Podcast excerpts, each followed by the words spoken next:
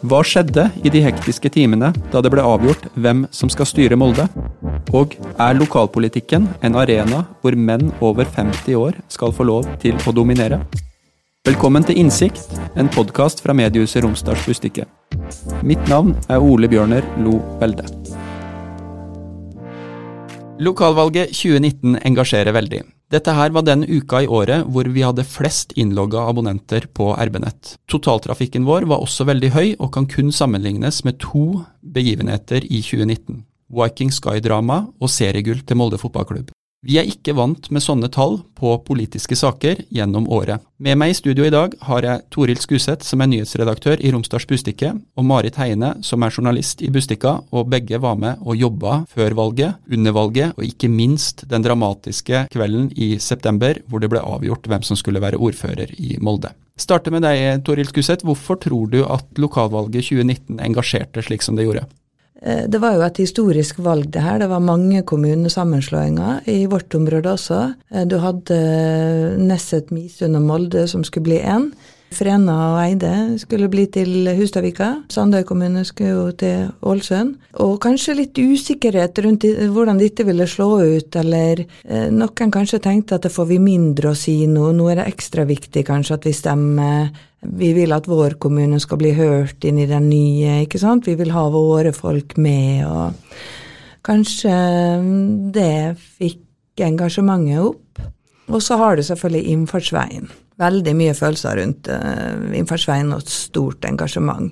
Og mer og mer engasjement jo nærmere vi kom valgdagen, føler jeg. Uh, både i redigerte medium og i sosiale medium, ikke minst. da. Valget i 2019, hvis man ser på Molde, viste seg etter hvert også å være mer åpent enn det mange hadde trodd. Nasjonalt så var det et eh, distriktsopprør, og man eh, opplevde mange steder i landet at eh, Senterpartiet gikk veldig fram.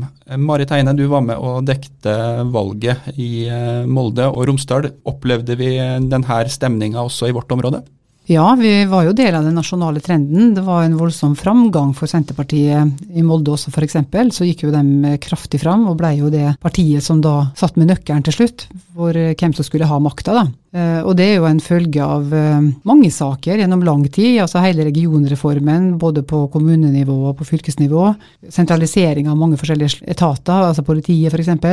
Der var det vel også et element at eh, bykommunen Molde nå skulle få med to landkommuner, og at Senterpartiet da plutselig kunne bli en større maktfaktor da i den nye kommunen? De siste fire åra så har, det vært, har opposisjonen i Molde vært veldig svak. Posisjonen har jeg hatt uh, bukta og begge endene, og egentlig veldig mye har blitt avgjort før man kommer i åpne rom, da, eller i kommunestyresalen. Og det også tror jeg var med og skapte ekstra engasjement, og en, kanskje en tanke om at nå kunne det bli litt annerledes, da. Når det nærmer seg valg, så er det sånn i en redaksjon at man begynner å tenke på hvordan skal man dekke sjølve valgnatta. Hva slags vurderinger gjorde vi i Romsdals Bystykke knytta til det her med papir, nett, direkte, og hvordan, hvor vi skulle legge inn innsatsen da, i, i samband med valget 2019? Vi gjorde tidlig et eh, valg om at vi ikke skulle prøve å pushe deadline og prøve å få med noe resultat men at vi likevel ville gi leserne våre ei avis som ikke framsto som Altså, vi ville ha valg på førstesida.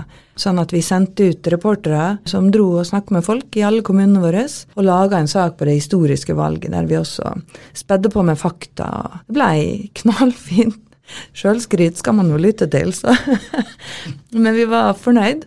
Um, ikke minst så ga det oss et sånt um, en ro da, når eh, det begynte å dra seg til på valgdagen. Fordi da var vi ferdig med avisa, og vi kunne konsentrere oss fullt og helt om nettet. Jeg tror alle som var med på dekninga, syntes at det var gøy å jobbe. Og um, dem som satt og fulgte med utenfra, fikk vi mange tilbakemeldinger på at vi var oppdatert. At vi var tidlige med resultat, at man kunne følge valget, valgnatta, valgkvelden på RB-nett. Og så hadde vi folk i alle kommuner. Det var både litt temperatur og litt tempo og en, en, ro over det som vi ikke hadde hatt hvis vi hadde hatt den der papirdeadlinen. Da hadde vi sittet der og vært svett i panna og rød i fleisen og sant? levert noe som vi kanskje ikke var helt trygge på. da. Det kan jeg bare underskrive på. Jeg var jo sendt ut da til Gjemnes, og det var en veldig positiv opplevelse da, å sitte der på valgvake. Der fikk jo Senterpartiet rent flertall, så det var jo en spesiell opplevelse. Det er vel ingen andre kommuner på lang tid som har opplevd det, at ett parti har hatt rent flertall. Men i hvert fall så å kunne lage reportasjer derfra og legge ut på nettet, det var nok kanskje med da, på at leserne kunne følge med og oppleve at, at, vi var tett på da, ved at vi var rundt omkring og kunne legge på nett fortløpende. En av de mest leste sakene i denne perioden var jo den livedekninga vi hadde i Molde i etterkant av valget, når eh, de ulike partene forhandla om makt. Og Vi skal høre et eh, lite lydkutt som eh, ble tatt opp den natta, to dager etter valget. Oh, hva står det der? Det står det at Senterpartiet har dessverre brutt forhandlingene med oss rød-grønne partier. Det er veldig beklagelig. Men det er ikke noe mer vi får gjort med det. Vi må gå videre og er enige om å kjøre som en sterk posisjon. og så tar vi det derfra. Har dere fått noen begrunnelse for hvorfor de valgte den andre sida? Ja, det står på RB-nett. De har fått de avklaringene med Høyre som de trengte. Det er jeg kjent med, men vet dere hva de avklaringene består i? Nei, nei. Vi er ikke informert om noen av den avtalen der. Marit Heine, du var en av de eh, journalistene som var med og sprang eh, gatelangs denne eh, onsdagskvelden. Hvordan vil du beskrive denne arbeidsøkta og stemninga i, i byen den onsdagskvelden? Det var skikkelig spennende, rett og slett. Vi hadde jo litt flaks fordi at uh, vi fikk vite at skulle, at Senterpartiet, da, som var nøkkelen her, skulle, skulle inn på voksenopplæringa sine lokaler. Det er jo i samme hus som oss, det er jo litt praktisk. Så stakk Bjørn, fotografen vår, ned da, bare for å se hvordan det gikk, og da viser det seg at da var de på vei til å vandre gjennom Storgata for å treffe rød-grønne på, på Folkets hus. Så dermed så fikk vi muligheten til å følge dem gjennom byen, både fram og tilbake. Det var jo hele den nye kommunestyregruppa til Senterpartiet som satt og Ja, stemmer. De skulle avgjøre, da, og hadde da fått uh, eh, forhandla grundig med Høyre og skulle ta sin avgjørelse på det. Og så fikk de da oversendt fra Arbeiderpartiet, SV og MDG et forslag. Så derfor så vandra de over der, da. Så vi følte virkelig at vi var, vi var der det skjedde, og kunne også rapportere det ut direkte, fordi det satt folk her i huset og tok inn og la ut da det som vi sendte over av både Eh, lydklipp og, og, bilder fra Bjørn som han tok fortløpende. Det var jo veldig spesielt fordi at eh, det var jo i noen timer eh, litt sånn spennende Ville nye Molde kommune bli rød-grønn? Det tror jeg faktisk aldri har skjedd. Nei. Og vi skjønte jo tidlig på dagen at her var det noe på gang. Da satt de rundt på hoteller og hjemme hos hverandre og ringte rundt, og vi snakka jo med dem i tur og orden og skjønte at den ene møtte den andre, og når den ene gikk inn døra, så gikk den andre ut, nærmest. Går det an å si noen ting om de sånn etiske vurderingene som gjøres? For uh, intervjuobjektet i en sånn situasjon har jo egeninteresse i forhold til hva som formidles ut. Det som i hvert fall var viktig for oss, var at vi forsøkte å snakke med alle. Sånn at vi eh, forholdt jo ikke oss uh, utelukkende til det som Senterpartiet sa. Vi snakka med Arbeiderpartiet, vi snakka med SV. Vi forsøkte Høyre uten at vi lyktes med det, dessverre. Men uh, alle mennesker har et behov for å fremstå som den redelige. Og det fins flere vinklinger på sannheten, da. For oss var det viktig å prøve å få alle. Et av de elementene som det var ulike versjoner om, da, det var hvor hardt hadde Arbeiderpartiet vært med og prøvd å få til et rød-grønt flertall. Eh, og der var jo Senterpartiets versjon at de hadde egentlig ikke prøvd. Da eh, vi vandret gjennom Storgata den natta og vi spurte hva slags eh, tilbud og sånn de hadde hatt, og om det var god stemning, jo det er for så vidt det, men det her kommer altfor seint, sa den i den delegasjonen da. Så de hadde helt klart en opplevelse av at, at Arbeiderpartiet ikke hadde vært frampå for å få til det her, mens Arbeiderpartiet på sin side mener at de gjorde alt. Så det er definitivt to helt forskjellige versjoner av den historien. Hvorfor er det viktig at eh, lokalavisa følger en sånn her eh, prosess eh, tett? Kunne vi ikke like gjerne ha sittet her inne og venta på at pressemeldinga og invitasjonen til pressekonferanse skulle komme i innboksen?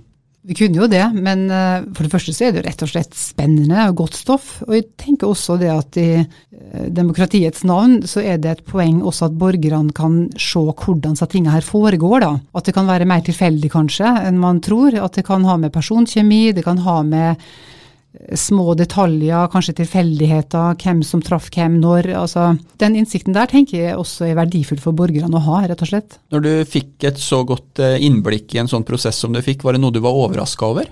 Eh, ja, jeg ble litt overraska, eh, kanskje særlig over den delen av historia som handla om forsøket på å bygge et rød-grønt flertall. da. For der hadde jeg inntrykk av at, at det var veldig sånn famlete. For En versjon der var at SV hadde invitert eh, Arbeiderpartiet og Senterpartiet for å prøve å få til et rød-grønt flertall. Det som hun i hvert fall sier eh, hun, eh, Sissel Rykkehus til oss, var det at ja, så satt vi der og det var ingen regi. Så sånne ting det overraska meg litt. At hvis de ville det, så var det jo fritt fram for alle som var der, å prøve å ta regi på det der. Bare som et eksempel, da. Tror du vi hadde fått fram den delen av historia hvis vi hadde valgt en annen tilnærming til hvordan vi skulle dekke denne onsdagskvelden? Vi hadde jo ikke fått fram hvis vi bare hadde sittet og venta på at løsningene skulle ligge på bordet. Da tenker jeg at det der hadde gått under radaren da, for leserne våre. Og så valgte vi jo en, når det liksom hadde begynt å roe seg litt, og vi visste resultatet, vi var nå litt utlada vi også, men eh, så lagde vi en minutt for minutt eh, på den, som har blitt en av de virkelig leste sakene våre. da. Og det òg tror jeg liksom at man kan sitte etterpå og lese seg gjennom dramaet. Jeg føler at man var der litt, og kanskje føler at man forstår litt mer òg, da. Ja, og det var et veldig artig stunt, da. Mm. Vi har jo ikke gjort det før på den måten. Nei. Så det er jo den nye teknologien som gjør, gjør, det mulig. Ikke minst så eh, hadde vi en fotograf som var veldig tent på oppgaven, og som tok noen helt fantastiske bilder. Litt sånn eh, inn vinduer på møterommet, som på en måte viser hvilke aktører som var i sving. Og også vise litt stemning, bl.a. bilde ute fra Folkets hus, der hvor Gangstad, så vidt jeg husker, sitter med ansiktet, altså hendene over ansiktet og ser som han vrir seg litt i frustrasjon. Etter at alle stemmer var opptalt, så fikk vi en debatt i Romsdal som gikk på mangfold. Vi så at eh, valget 2019 ble et valg hvor man tok eh, flere steg tilbake i forhold til eh, kjønnsrepresentasjon. Og det ble også en diskusjon rundt det her knytta til fordeling av viktige og sentrale verv. Hvorfor fikk vi denne mangfoldsdiskusjonen? Tallene viste jo at det skjedde noe dramatisk, rett og slett, med, med kjønnsbalansen. Både Molde og Hustadvika og Vestnes så endte man altså opp med en tredjedel kvinner og to tredjedeler menn. Det var ganske jevnt i Aukra, mens f.eks. Jevne så var det en fjerdedel, enda mindre. Så det trigga jo, jo, en debatt etterpå, hva i all verden var det som skjedde her? Og det spesielle var jo at listene i seg sjøl var jo grei. Kjønnsbalansen der, den var, den var, liksom stort sett i orden. Og så var det da eh, velgerne som hadde snudd opp ned på listene, som hun sa Gerd Marit Langøy, da, som kommenterte det der like etterpå. Hva er mulige årsaker til at det ble sånn? Jeg tror ikke det var et sånt bevisst valg fra velgerne at de ville ha inn mye menn. Men eh, det kan jo være også vår Altså vi, vi har et stort ansvar som et mediehus til å speile mangfoldet. Og hvem vi velger å profilere i en valgkamp f.eks., kan nok også ha spilt inn, da. Kanskje var det flest menn i våre spalter som snakka politikk. Og um, vi diskuterte jo det i etterkant. Hva kan vi gjøre? Fordi det ble jo nærmest en bevegelse ut av det, og vi gjorde mye journalistikk på det konkret. Men så tenker jeg at vi kan også gjøre noe i hverdagen for å bidra til en jevnere fordeling, eller at vi speiler mangfoldet på en bedre måte. Vi har jo en Vær varsom-plakat som vi styrer etter, men vi lagde oss en Vær bevisst-plakat. Åtte punkt. Eh, som måtte skal minne oss på at vi skal speile mangfoldet både når det gjelder kjønn og alder og etnisitet. Vi skal ikke la være å prate med mennene, men kanskje skal vi også leite etter andre kilder enn de vanlige. Det der henger jo også sammen med tenker hva slags saksområder som, som er veldig oppe i vinden i vårt område. da, og Det er jo veldig mye vei, ferge, samferdsel. Og i valgkampen f.eks. med innfartsveien, da, den type saker, der er det i over, altså overveiende grad mannlige kilder. Både ekspertkilder, dem som jobber med det, og også ofte folk som uttaler seg om det. er er menn, sånn at det kan da bidra til at uh, mannsoverskuddet si, i kommunestyrene ble så, så stort. Den her eh, Vær bevisst-plakaten som du refererer til, Toril, den eh, tar vi med oss videre i Bustika og skal, skal, jobbe videre med? Ja, det gjør vi. Den henger sentralt plassert opptil flere plasser i redaksjonen. Så der skal vi tenke kildebredde. Vi skal også tenke språk. Ofte så sier vi ting eh, uten å tenke oss om, som kan være sjåvinistisk, eller det kan være med på å sementere en kjønnsrolleoppfatning. Eh, vi skal diskuteres eh, over frokostbordet og på arbeidsplassen. og for de unge jentene som kommer, de skal ha noen rollemodeller i Bustika eh, som vi skal vise frem. Tror det er en veldig fin avslutning og oppsummering egentlig på et av de viktigste læringspunktene som vi i Bustika hadde i samband med valgdekninga i 2019. Tusen takk til nyhetsredaktør Toril Skuseth og Marit Heine for at dere var med og fortalte litt om hvordan vi jobba med valget i avisa, og så kommer vi tilbake med en ny episode som viser et annet sentralt tema for Romsdalsbustikket i 2019. Du har hørt Innsikt, en podkast fra mediehuset Romsdalsbustikket. Ved å abonnere på denne podkasten får du automatisk beskjed når en ny episode er klar.